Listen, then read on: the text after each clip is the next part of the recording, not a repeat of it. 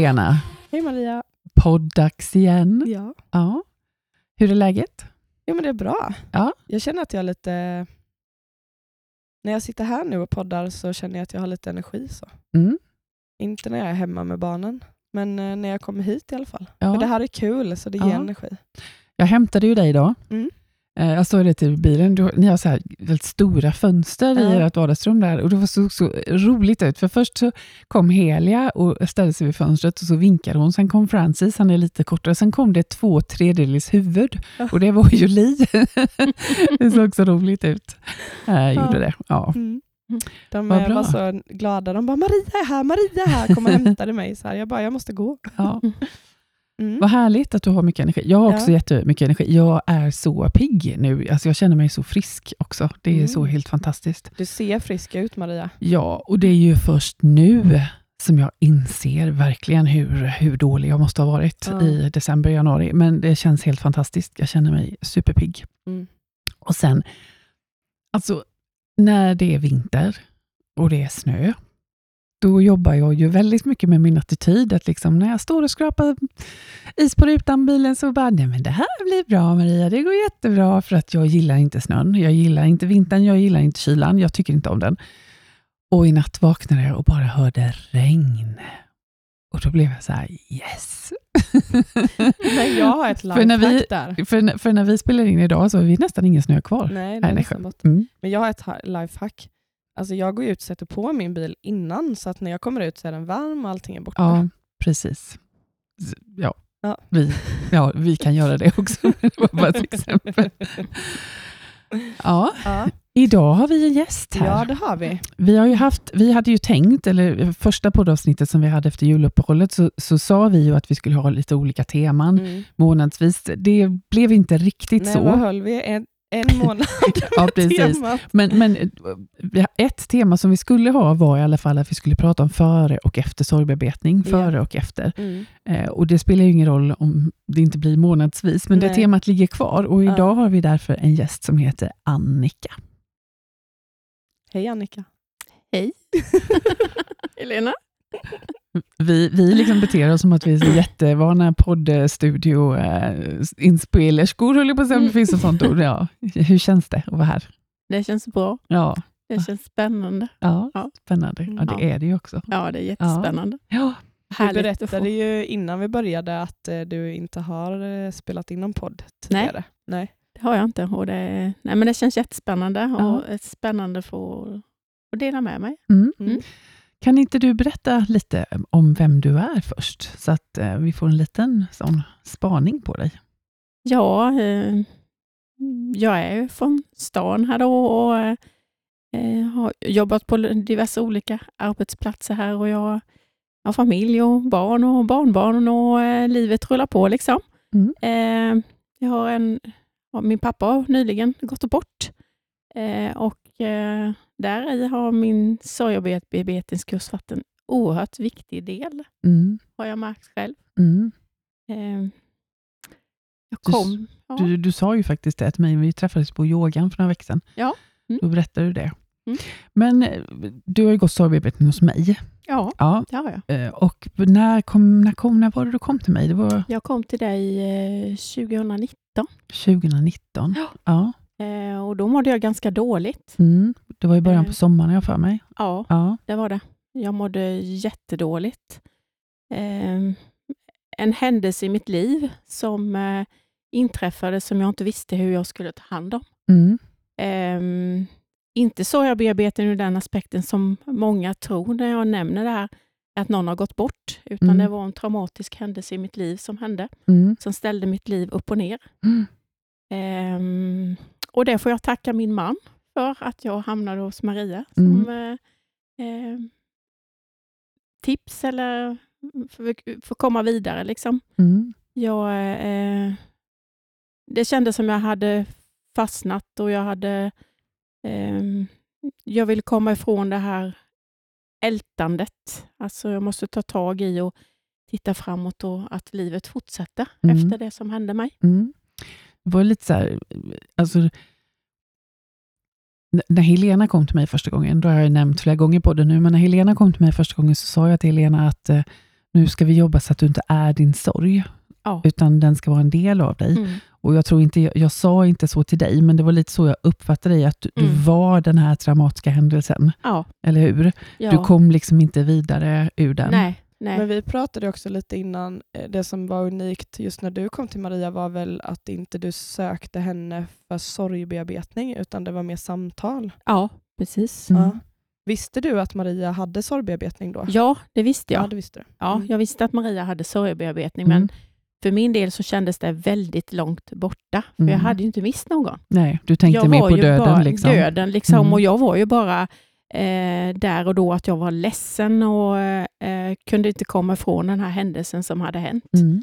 Men Eh. förstod du att du bar på en sorg? Nej, Nej. det gjorde jag inte. Även att du var ledsen? Ja, nej, Mm. jag förstod inte det utan eh, nu har jag ju förstått att eh, jag var ju ett med sorgen. Liksom. Jag, Mm. jag var ju verkligen fast i, mina, i, i tankarna liksom, och jag visste inte hur jag skulle kunna, kunna gå vidare. Mm. I, i, eh, i, kanske I- inte i livet kan man inte säga, men i själva, i själva tankarna Mm. eh, och, och finna mening och tycka att det var roligt igen. Ja, precis. Ja. Du hade fastnat. Ja, verkligen. För jag, för jag kommer ihåg, du får eh, avbryta Helena när du vill. vill.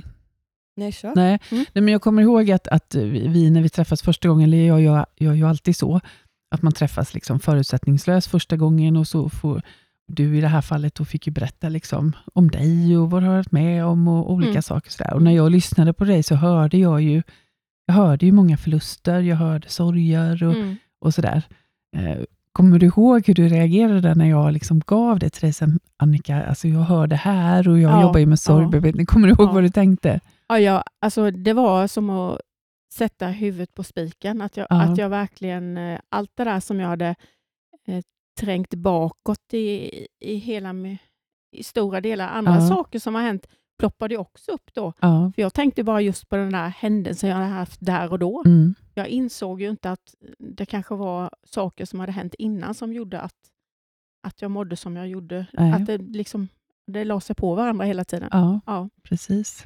Mm. Men hur eh, påverkade den här händelsen som hade hänt? Vill du dela vad händelsen var? Eller? Nej, det vill Nej. jag inte dela. Nej. Eh, men hur påverkade det dig i livet? Alltså om vi tänker ditt eh, eh, privata liv och arbetsliv och liksom med vänner och med alla de här delarna. Ja, nej, men alltså, jag var ju väldigt, väldigt ledsen. Mm. Eh, och, väldigt... ehm, Du på, grät mycket. jag grät mycket. Ja. Eh, jag eh, var väldigt orolig. Jag kunde inte sova. Jag kunde Nej. inte samla mina tankar. Jag, eh, och Gert, säger, heter min man då. Mm. Eh, och eh, Jag kunde liksom inte samla mina, mina tankar. Jag kunde inte komma till ro.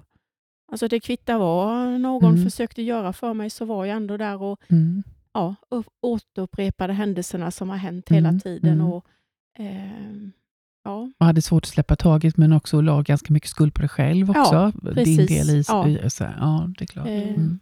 Jag lås, ja, vi pratar ju mycket om det i Mm. sorgbearbetning, det här med att vi aldrig får läka känslomässigt. Mm. Eh, och att man då pratar om att ja, men nu ältar hon igen eller Mm. nu ältar han igen. Eller liksom Mm. så att det blir en negativ att vi pratar negativt om Mm. det, men i själva verket så handlar det inte om att vi ältar, utan vi behöver ju prata för vi har ju inte fått känslomässig läkning Mm. till det som har hänt. nej, Mm. Så det är den här sista delen som saknas Ja. alltid. Mm, mm. Men jag tycker också det är intressant eh, det här just eh, som du som vi, vi eh, pratade om eh, tidigare att du grät och du var ledsen och du kom inte vidare och allting men inte en enda gång så tänker man att det är sorg. nej. Alltså vad programmerade vi ändå är till att Jag är jätteprogrammerad och just det att det var ju mitt fel. Det var ju Mm. jag och egentligen hade jag ju ingen som helst eh, del i det här överhuvudtaget utan jag blev ju bara ja, en oskyldig spelare kan man säga. Ja, du blev utsatt. Jag ja. blev utsatt så jag... Mm. eh, Sen tänker jag nästan alltid, eh, och, och, och, jag, och när du kom till mig, så när jag då börjar prata om sorgbearbetning, lite lätt och försiktigt, så brukar jag rita eh, hjärtat Ja. och ett brustet hjärta. Mm. Och också brukar jag rita så att vi, för vi stänger ju. Och, Ja. och det är ju så vi lär oss, liksom, eftersom vi inte har lärt oss att prata om, om det som händer i hjärtat, utan vi intellektualiserar ju och Mm. använder oss av de här myterna. om sorg. Eh, och, för det fanns ju så mycket där i ditt hjärta egentligen. Mm. Eller hur? Mm. Som hade Mm. bara liksom lagts lager på lager. Och en del var stora, men andra kanske inte var så stora, men i sammantaget så var det så mycket. Mm. Och kommer du ihåg när vi pratade om det här, att det kan bli som en tryckkokare? Ja, Att Ja. en händelse kan bli så där så att det bara, det bara- ja, pyser ja, över. liksom. precis. Och Ja. jag tänker att alla dina tårar och det var lite också på grund av det, det var fullt. ja, det var fullt. De Det var fullt. svämmade över. Ja, det bara svämmade över. Ja. Ja. Ja. Jag tänker det är många som beskriver det att det är som att man har öppnat en kran liksom, och det går Mm. inte att stänga den. Sen när man väl har öppnat den där kranen Mm, då bara mm. fossar tårarna och man är bara ledsen hela Mm, tiden. mm. Ja. Nej, men Mm. jag, jag kände väl att jag skulle vara den där duktiga flickan som skulle ta hand om det här alldeles själv. Och det är klart Precis. att jag skulle gå vidare Mm. som jag hade gjort alla andra gånger när Ja. det hänt någonting. ja. Och det var väl inte så farligt det här. Och Mm. det, eh, men sen Men- insåg jag att jag, jag behöver inte vara den där duktiga flickan som ska Nej. gå vidare, utan Nej. jag, jag behöver ta hand om mig själv Mm. och sätta mig själv Mm. i centrum. Och det var ju mycket så du resonerade Ja, också, kommer jag ihåg där, precis, för du ja. gick ju över sommaren. ja, Eh, Jag kommer ihåg att det var väldigt mycket så du resonerade. Det här var som en present till dig. ja, en gåva till dig själv. Ja. Liksom. Jag kommer ihåg Mm. det. Men jag presenterade sorgbevetningen och, och du bestämde dig ganska snabbt, om jag kommer ihåg det hela rätt. Mm. Tänk att det var 2019, det är ju länge sedan nu. länge alltså. sedan. Men du bestämde dig ganska snabbt att hoppa på. ja, Mm. Duktiga flickor får jag i min fåtölj också. ja precis. Nej, men jag kommer ihåg, för jag Ja. brukar säga så här, du får inte läsa mer än vad det står på det här pappret. Nej. Liksom, för en del vill liksom gå i förväg och Ja, läsa på. ja. Och så där. Mm. Ja. Kommer du ihåg hur det var i början? Det handlade Ja, om myter och, Myter och, och intellektuella kommentarer i början. Ja, precis så. Och just det här som du sa, du får inte läsa mer än vad som står i boken. Och jag gjorde verkligen inte det. Men man bara, tänk om jag skulle glita bara lite, lite till. Men sen hade jag ju mina uppgifter att göra. Och, och det ska man nog vara medveten om, tror jag, när man gör sin sorgebearbetning. Att Mm. man lägger ju ner oerhört mycket tid Mm, och engagemang i sig själv. mm. Och, och så är det ju också, Elena, Mm. eller hur? Alltså, Ja, ju, alltså, jag där är de ju tydliga i boken också, så ju mer tid du lägger ner på det, desto större effekt får Mm. det ju. Mm. Så. Men alltså jag brukar säga det till de som kommer till mig att eftersom att jag har jobbat som säljare i många år så har jag både via företag jag jobbat på men också att mitt egna intresse har varit mycket personlig utveckling, alltså så här Mm. ledarskap, alltså leda sig själv. Eh, Och jag har gjort mycket sådana utbildningar och kurser och jag har läst böcker liksom från duktiga och sådär. Men att göra sorgbearbetning, jag har aldrig lärt mig så mycket om mig själv under de Nej. åtta tillfällena som jag Nej. gjorde när jag gjorde sorgbearbetning. Mm. Så att egentligen borde det heta personlig utveckling. Ja. Mm. För det är Mm. verkligen vad det är. Eller Ja. lär känna dig Mm. själv, Mm. kurs. Eller, Mm. alltså, det är ju verkligen så. Jo, men det är verkligen så. Ja. Det är det.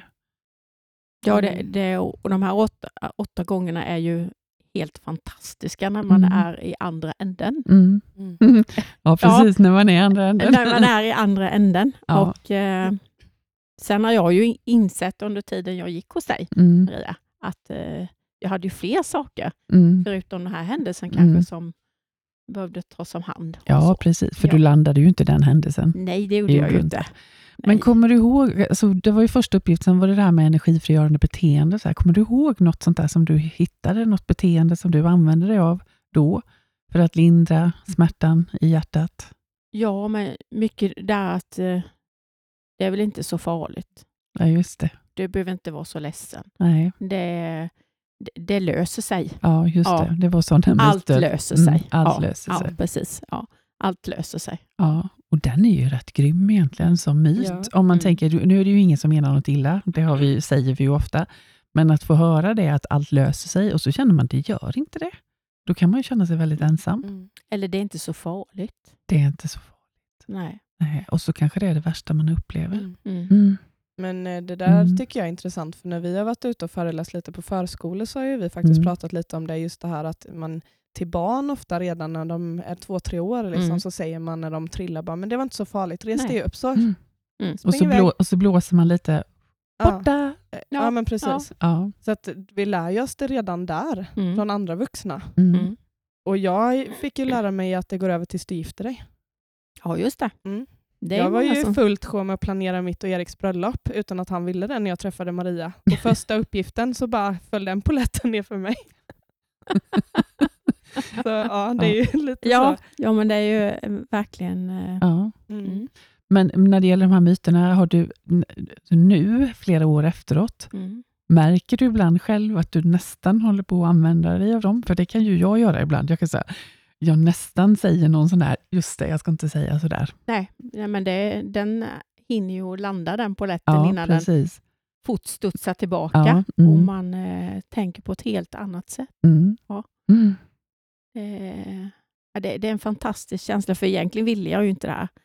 Jag behövde ju inte verkligen inte sorgbearbetning. Ja, just det, för så du tänkte Det var ju lite. så jag tänkte. Jag är ju inte säljare egentligen, men var nog Nej. rätt bra där. Ja, men du var nog rätt duktig där. Ja. Ja. nej, men det var ju kaotiskt och hela jag ville ju bara inte, Nej. för jag skulle ju klara det här själv. Mm, Men eh, jag är ju så tacksam mm, över att jag hoppade på mm, och tog beslutet och Mm. satsade på mig själv. mm. Men kände du någon gång under den här, de här åtta gångerna att så här, nej men nu vill jag inte mer?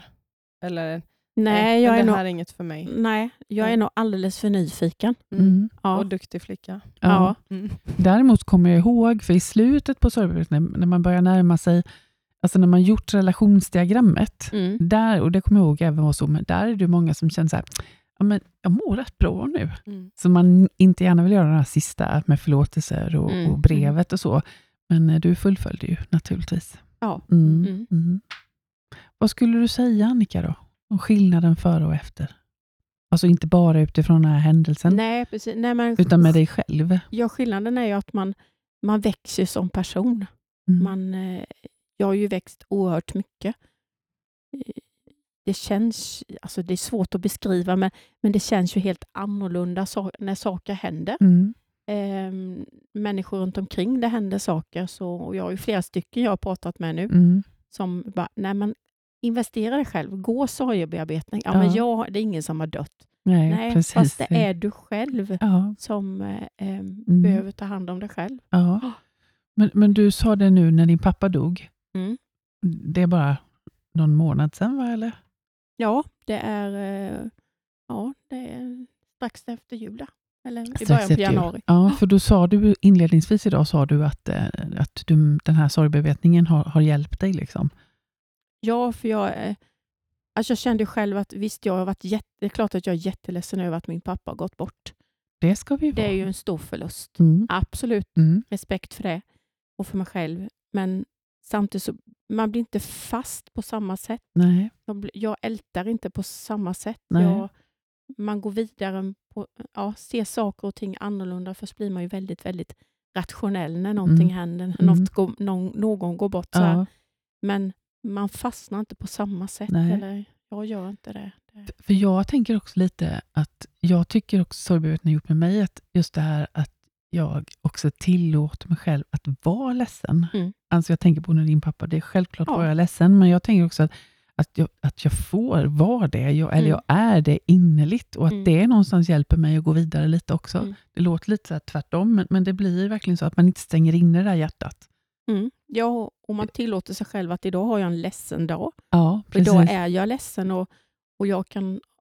Alltså nu efter pappa har gått bort, så mina kollegor så har ju frågat, de är ju Mm. helt underbara, Mm, och frågat hur mår du idag? Mm. Ja, idag måste jag vara ärlig och säga att jag har en skitidag. ja, Jag precis. mår inte bra idag. Mm, mm. Istället för att, nej men klart det är bra. Nej men Är det en skillnad efter det är en sorgbearbetningen? jättestor skillnad. Att du säger så? ja, Ja, att jag säger mm. så. Att jag mår inte alltid bra. Nej. Så det som har hänt egentligen kan man säga är att sorgen är inte en tabu längre Nej, för dig. precis. Alltså nej. att vad man känner själv. Ja, Alltså så. ja. För så är det ju många som berättar att Nej, men jag behöver inte vara ledsen eller jag gråter inte. Alltså så att, som att det är något dåligt Mm. eller alltså att man är svag eller det är något negativt så här, Mm. att vara ledsen. Nej. Men sorg och glädje är ju våra mest naturliga känslor. Ja, Mm. precis. Mm. Häftigt. Det är precis tvärtom, tänker jag. Ja, Om vi vågar visa oss sårbara och vågar Ja, vara ledsna och precis. vågar säga Ja, att jag inte mår bra, våga visa det, så är vi ju egentligen starka. mm. Mm. Mm. Mm. Mm. Är det någon annan skillnad, tänker du, för dig? Du är starkare, säger du.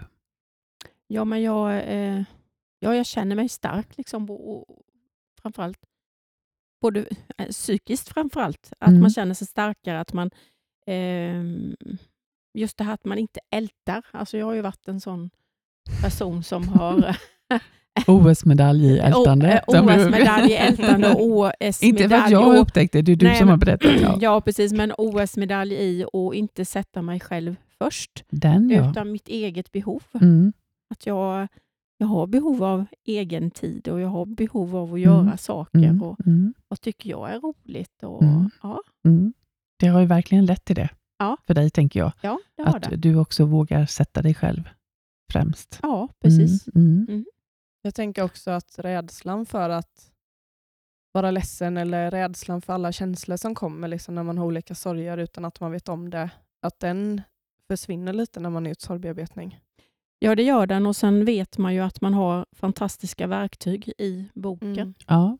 Och läsa den igen. Liksom. Mm. Lever den med dig, boken? Sådär? Boken lever med mig. Ja. Ja. Mm. Och sen lever ju boken förlåtelsen. Mm. Just det, Desmond. Tutus. Ja, precis. Aha. Den lever ju också Mm. med mig. Mm. Ja. Jag tycker de är jättebra. För, för du har ju också gjort eh, fler bearbetningar. Ja. Alltså du har ju ringt mig och sådär, nu har jag en bearbetning till. Och så, Ja. har du, så du använder ju dig av sorgbearbetning som ett livsverktyg kan man ja, säga. det kan man säga. Ja. Och det, det gör inte riktigt alla. Eh, Så, Nej, jag skulle det, nog det, säga Nej. att eh, den stora skaran gör sorgbearbetning åtta gånger och sen så glömmer man liksom lite bort det och så hamnar man lite där igen. Mm. sen, För det är ju färskvara. ja. Alltså det är som Mm. att vi går och tränar våra muskler. Vi Mm. måste ju påminna oss Mm. hela tiden. Mm. Så att du brukar ju läsa den boken minst en gång om året. Ja, jag läser den perm till perm, gör jag, Mm. en Mm. gång per år. Ofta när jag är på semester. Jag läser Ja. sorgbearbetningsböcker, döden-böcker läste Ja. jag nu. sem- jag gör ju sånt på Ja. semester. Nej, men jag läser den och det är, fram, det är så spännande tycker jag, för att eftersom mitt liv är ju föränderligt och allting ändras i livet hela tiden, så jag hittar liksom nya saker Mm. och nya reflektioner varje gång jag läser den. Mm. Sen läser jag det här ansvarskapitlet. Eh, det läser jag ju, och så ler Helena nu, för hon, hon blir alltså provocerad när jag pratar om detta kapitlet. Nej, men- jag blir inte provocerad skojar, längre. men- Jag bara ler för att jag har fått läsa det så väldigt många gånger. ja. Jag vet inte om du kommer ihåg det, Annika? Vi ska se här. Inte i detalj kan jag inte säga att jag kommer ihåg det. Det känns som en läxförhör här nu, Annika. precis. så Mm. se om vi har lärt oss det Mm. Maria har lärt oss. Eh, nej, men just det här eh, eh, ansvarskapitlet eh, läser jag ganska mycket när jag är ute och föreläser också. Mm. Eh, vem är ansvarig? På sidan 56. Eh, just det där att, ehm, att ingen kan få, mig, få dig att tycka illa om dig själv utan att du ger dem tillstånd. Just det här att man kanske skyller också mycket på andra människor, andra relationer. Mm. Man skyller liksom mitt, e, mitt mående skyller jag på att ja, men hade det inte varit för den personen hade jag minsann kunnat må bra. Och hade jag inte haft den chefen så hade jag minsann kunnat vara glad på Mm. jobbet. Och, Mm. du vet, så här. Men just det här ansvarskapitlet handlar väldigt mycket om det här, men att ja, men jag kan ju ta en liten del själv. Eller hur? Mm. Och någonstans, vi kan inte göra någonting åt de kriserna och de sorgerna och, och det som kommer till oss i livet. Men vi kan ta ansvar för hur vi faktiskt reagerar och Mm. agerar. Mm. Och jag tänker, det är lite så du beskriver med din pappas död. Precis. Eller hur? Ja. Jag var ledsen, Ja. men, men du ja. hanterar det på ett annat sätt. Ja. Så den är häftig. Ja, Mm. precis. Och sen är det ju, alltså jag har ju som du, precis som du nämnde Maria, så har jag gjort flera sorgebearbetningar Ja, hos du. dig Ja. och som jag har jobbat med hemma Mm, på ja, egen hand. Mm, Eh, och när den väl på lätten, när jag löste den gåtan, att Mm. jag behövde det för Ja. min egen del, ja, så kan jag ju använda det i min, jag använder det i min tanke kan man säga nu, Ja, på precis. ett sätt som jag aldrig hade. Och hjärtat är ju och den här eh, pyramiden som vi har ritat och, ja. och, och eh, var jag är någonstans. Mm. Ja. Men, och jag tänker, du säger något väldigt viktigt nu. Du säger, jag insåg att jag behöver göra det för min egen skull. Mm. Och det tycker jag, alltså många, och även du Annika, alltså när man går igenom sorgbearbetningen, man pratar ju inte bara om sig själv, man pratar ju om andra relationer. Det kan ju Mm. vara relation till föräldrar, och till syskon, och gamla vänner och barn, och alltså man och fru och sådär. Och många blir så lite väldigt försiktiga. Man blir här, nej men hon menade ju inget illa med det. Jag, jag förstår ju, hon hade ju det jobbigt under den Mm. tiden. Och man liksom så här, men det är inte det, vi handlar inte om att smutskasta någon, Nej, utan vi pratar bara om vår egen upplevelse. Mm. Eh, så faktiskt, man bearbetar ju sin egen upplevelse ja, sin och egen... får en annan... Man hade en version när man kom till sorgbearbetningen, Mm, men sen har man ju en helt annan version. ja. Att det var det verkligen så här istället? Den eh, Ja. relationen som du började bearbeta, Ja. där fick, det, det, det ställde lite upp och ner på hela din... Hela min tillvaro ställdes upp och ner faktiskt. Mm. Ja, Men också, det var både sorgligt men också på ett positivt sätt. absolut. Ett Ja. jättepositivt Mm. sätt. Ja. Och Jag trodde väl aldrig, för Maria förklarade ju sorgebearbetningen och de här åtta stegen jag skulle Mm. gå igenom. Och sen att det skulle sluta med ett brev och då tänkte jag liksom, herregud, ska jag skriva ett brev? Ska det hjälpa mig? Det trodde jag ju aldrig Nej. faktiskt.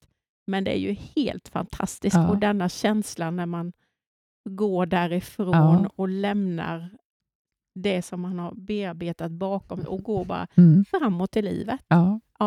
Men just Den det är att man, mäktig. till, ja, men att man tillåter sig själv att få vara glad, Ja. trots det man har mött. Ja, men precis. Jo, och- men precis. Mm. Men just den här känslan när det har ramlat ner och slått sig till ro i Mm. tanken och man, Mm. man går vidare. Det känns... Ja, Ja, underbart. ja, Jag jobbar ju så att när man kommer och ska läsa brevet, ja. så pratar vi alltid lite först. Eh, och sen när man börjar läsa brevet, så, så även om man, man, får inte, man ska inte avbryta och börja förklara, och om man börjar gråta ska man försöka fortsätta och, Mm. och, och läsa brevet. Eh, och, sen när, vi har, när du har läst färdigt, eller när man har läst färdigt, så, så går man. Alltså vi kan Mm. avsluta med en kram, men vi pratar inte mer för att inte prata sönder den här känslan. Mm, Och jag mm. vet att många tycker att det är lite så här, känns så konstigt. Kommer Mm. du ihåg det? Att, ja, men det kändes första gången kändes det jättekonstigt. och jag tror många Samtidigt- tycker det är konstigt att bara läsa brevet. Ja, så, men, det, ja, men precis. Och, Ja. och att man inte blir att man inte förklarar sig, att man inte blir avbruten. Man, ja. man läser bara det som står där och Ja. då. Eh, men sen andra gången jag gjorde det här, Mm. då var det, det var en sån verklig god-känsla. Så Ja, det precis. kändes som det bara lättade i kroppen och Mm. man bara, jag bara gick därifrån. Alltså. Ja, Men jag är lite nyfiken på um, hur, hur eh, har det liksom varit självklart för, för dig från första början eller har det varit motstridigt att sitta hemma själv och göra en bearbetning Nej. utan att ha liksom en handledare som leder dig? Nej, men det, jag tror nog att jag löste gåtan, eller vad jag nu ska säga, just det här att eh, hitta att jag verkligen behövde sorgebearbetning för min egen skull. Mm. Jag har inte gjort det för någon annans skull. Jag har inte gjort det för någon Nej. annans välmående. Jag har gjort det för mitt eget välmående. Och Det har varit riktigt mysigt, för jag har Mm. försökt att göra det här på, ja, hitta någon eg, alltså hitta egen tid och göra det på egna stunder. Och, Mm. eh, och jag har haft tid där jag har gjort det själv. Och, ja, För, för den andra bearbetningen du gjorde efter första, den gjorde du helt ensam och Ja. kom bara med brevet. ja. Ja. Mm. För det, det är också vanligt att eh, jag fick ett mejl härom, häromdagen av en kvinna som har gått och hon, behöver be, hon vill bearbeta mer och hon har försökt göra det hemma men hon tycker det är jättesvårt så hon ska komma och göra relationsdiagrammet, alltså prata om rela- relationsdiagrammet och, Mm, och, och få mm. hjälp med det. Så en Mm. del behöver ju hjälp den Mm. första relationen efter, men du gjorde nog Mm. allt själv där. Ja, mm. Ja, Jag, tänk, jag tänker att det är en viktig del att belysa. Mm. För det är många som gör den första Mm. och tycker mm. det är jättebra. Man känner Mm. effekten och allting. Mm. Ja. Men sen så tar det liksom emot att Mm. göra nästa relation för att det är mycket jobbigt som är kopplat till det kanske. Ja. Man känner sig osäker helt plötsligt igen. Att Ja. vi skapar ja, oro som är, ja, sätter käppar i hjulet och så Mm. blir det inte att man fortsätter. Mm. Nej, och sen andra bearbetningar jag gjorde då tänkte man, alltså jag är ju alltid lite sådär rationell om mig, att Mm. tänkte att det kanske finns något steg jag inte behöver göra. Mm. Ja, Mm, just det. ja nu Ja. kommer det fram. Eh, Men det insåg jag ju ganska Ja. snart, att eh, de här stegen är ju till för att man ska följa dem och de, de gör ju jättegod Ja. nytta och de är ju, och det är viktigt att man inte plöjer igenom alla de här åtta stegen även om man gör det själv hemma. Nej. Utan man tar det första steget och sen Mm. har man lite tid emellan och Mm. sen gör man nästa steg precis som jag har gått till Maria Ja, första gången. precis. Så precis samma sak. För, för det är också en tanke, jag säger, för det är ganska fyrkantigt får man ju ändå säga. Det är Mm, liksom mm. få boken, man får uppgifter och det, ja, det är Mm, ganska mm. fyrkant, fyrkantigt. Och jag brukar ju öppet säga det när jag gick kursen för snart 11 år sedan, så var jag lite så här, men det kan väl inte hjälpa att göra det här. Liksom. Men vad tyckte du om det, att det var så fyrkantigt? En del tycker det är skönt också. Jo, men alltså det var skönt att det var ett kapitel Mm. och de här uppgifterna, för Mm. man har nog med sig själv. Ja, just det. Ja, man är där och då i den tanken och, och som Ja. jag var ju så ledsen. Mm. Eh, och jag hade ju aldrig fixat att du hade sagt att nu ska du göra de här åtta kapitlen Nej, och så har du de här precis. åtta uppgifterna och sen ses vi om sex veckor, Ja, hej då. precis. Nej. Ja, nej, så det kan vara lite skönt också Det är då. jätteskönt Mm. att, det är, eh, att det är den begränsningen. Ja. Det, tyckte, det upplevde jag Mm, jättepositivt. mm, mm. Mm. Det kan jag också hålla med om faktiskt. Ja. Mm. Jag, jag tänker också när man bär på olika sorger och man är där, då är man liksom så uppe i det. Mm. Så att det är så mycket som är så förvirrande, så då är det rätt skönt att bara säga Mm. gör detta Mm. och inget mer. ja, Att man, att man har liksom en specifik uppgift att göra. det blir Mm. någonting att hålla i. så. Ja, Mm. Mm. Men för, för du uttrycker också, vi gör inte det så ofta, men du uttrycker, du säger eh, sorgbearbetningskursen. Mm. Ja, och det gjorde du väldigt tidigt. Varför säger du det? jag säger nog program. Ja. Men det är nog för att Men, det heter... men det är också lite så här, för det är ju som en kurs Ja, egentligen. Eh, Och den, Mm. då, för du sa ju det, det är som en present till mig, jag köper den här kursen och det blir också lite avdramatiserat också. Mm. Mm. Eh, faktiskt. Ja, Mm. verkligen. Mm. Men jag tänker också innan du gjorde sorgbearbetning, hade du vänt dig typ eh, liksom, eh, till sjukhuset eller psykolog eller kurator eller något sånt och försökt att få hjälp via den vägen? Ja, jag hade gått hos en eh, via sjukhuset Mm. eh, några gånger, eller via företagshälsovård. Då. Eh, men jag upplevde inte att jag fick den hjälpen jag behövde, för jag bara tjatade om samma sak. Vi pratade om samma sak varenda gång. Mm. Det började likadant och det slutade likadant. Mm. Jag, jag kände inte att det gav mig ingenting, jag kommer inte vidare. Och, Mm. och det kanske jag inte förstod där och då. Inte förrän jag hade gjort första sorgbearbetningen.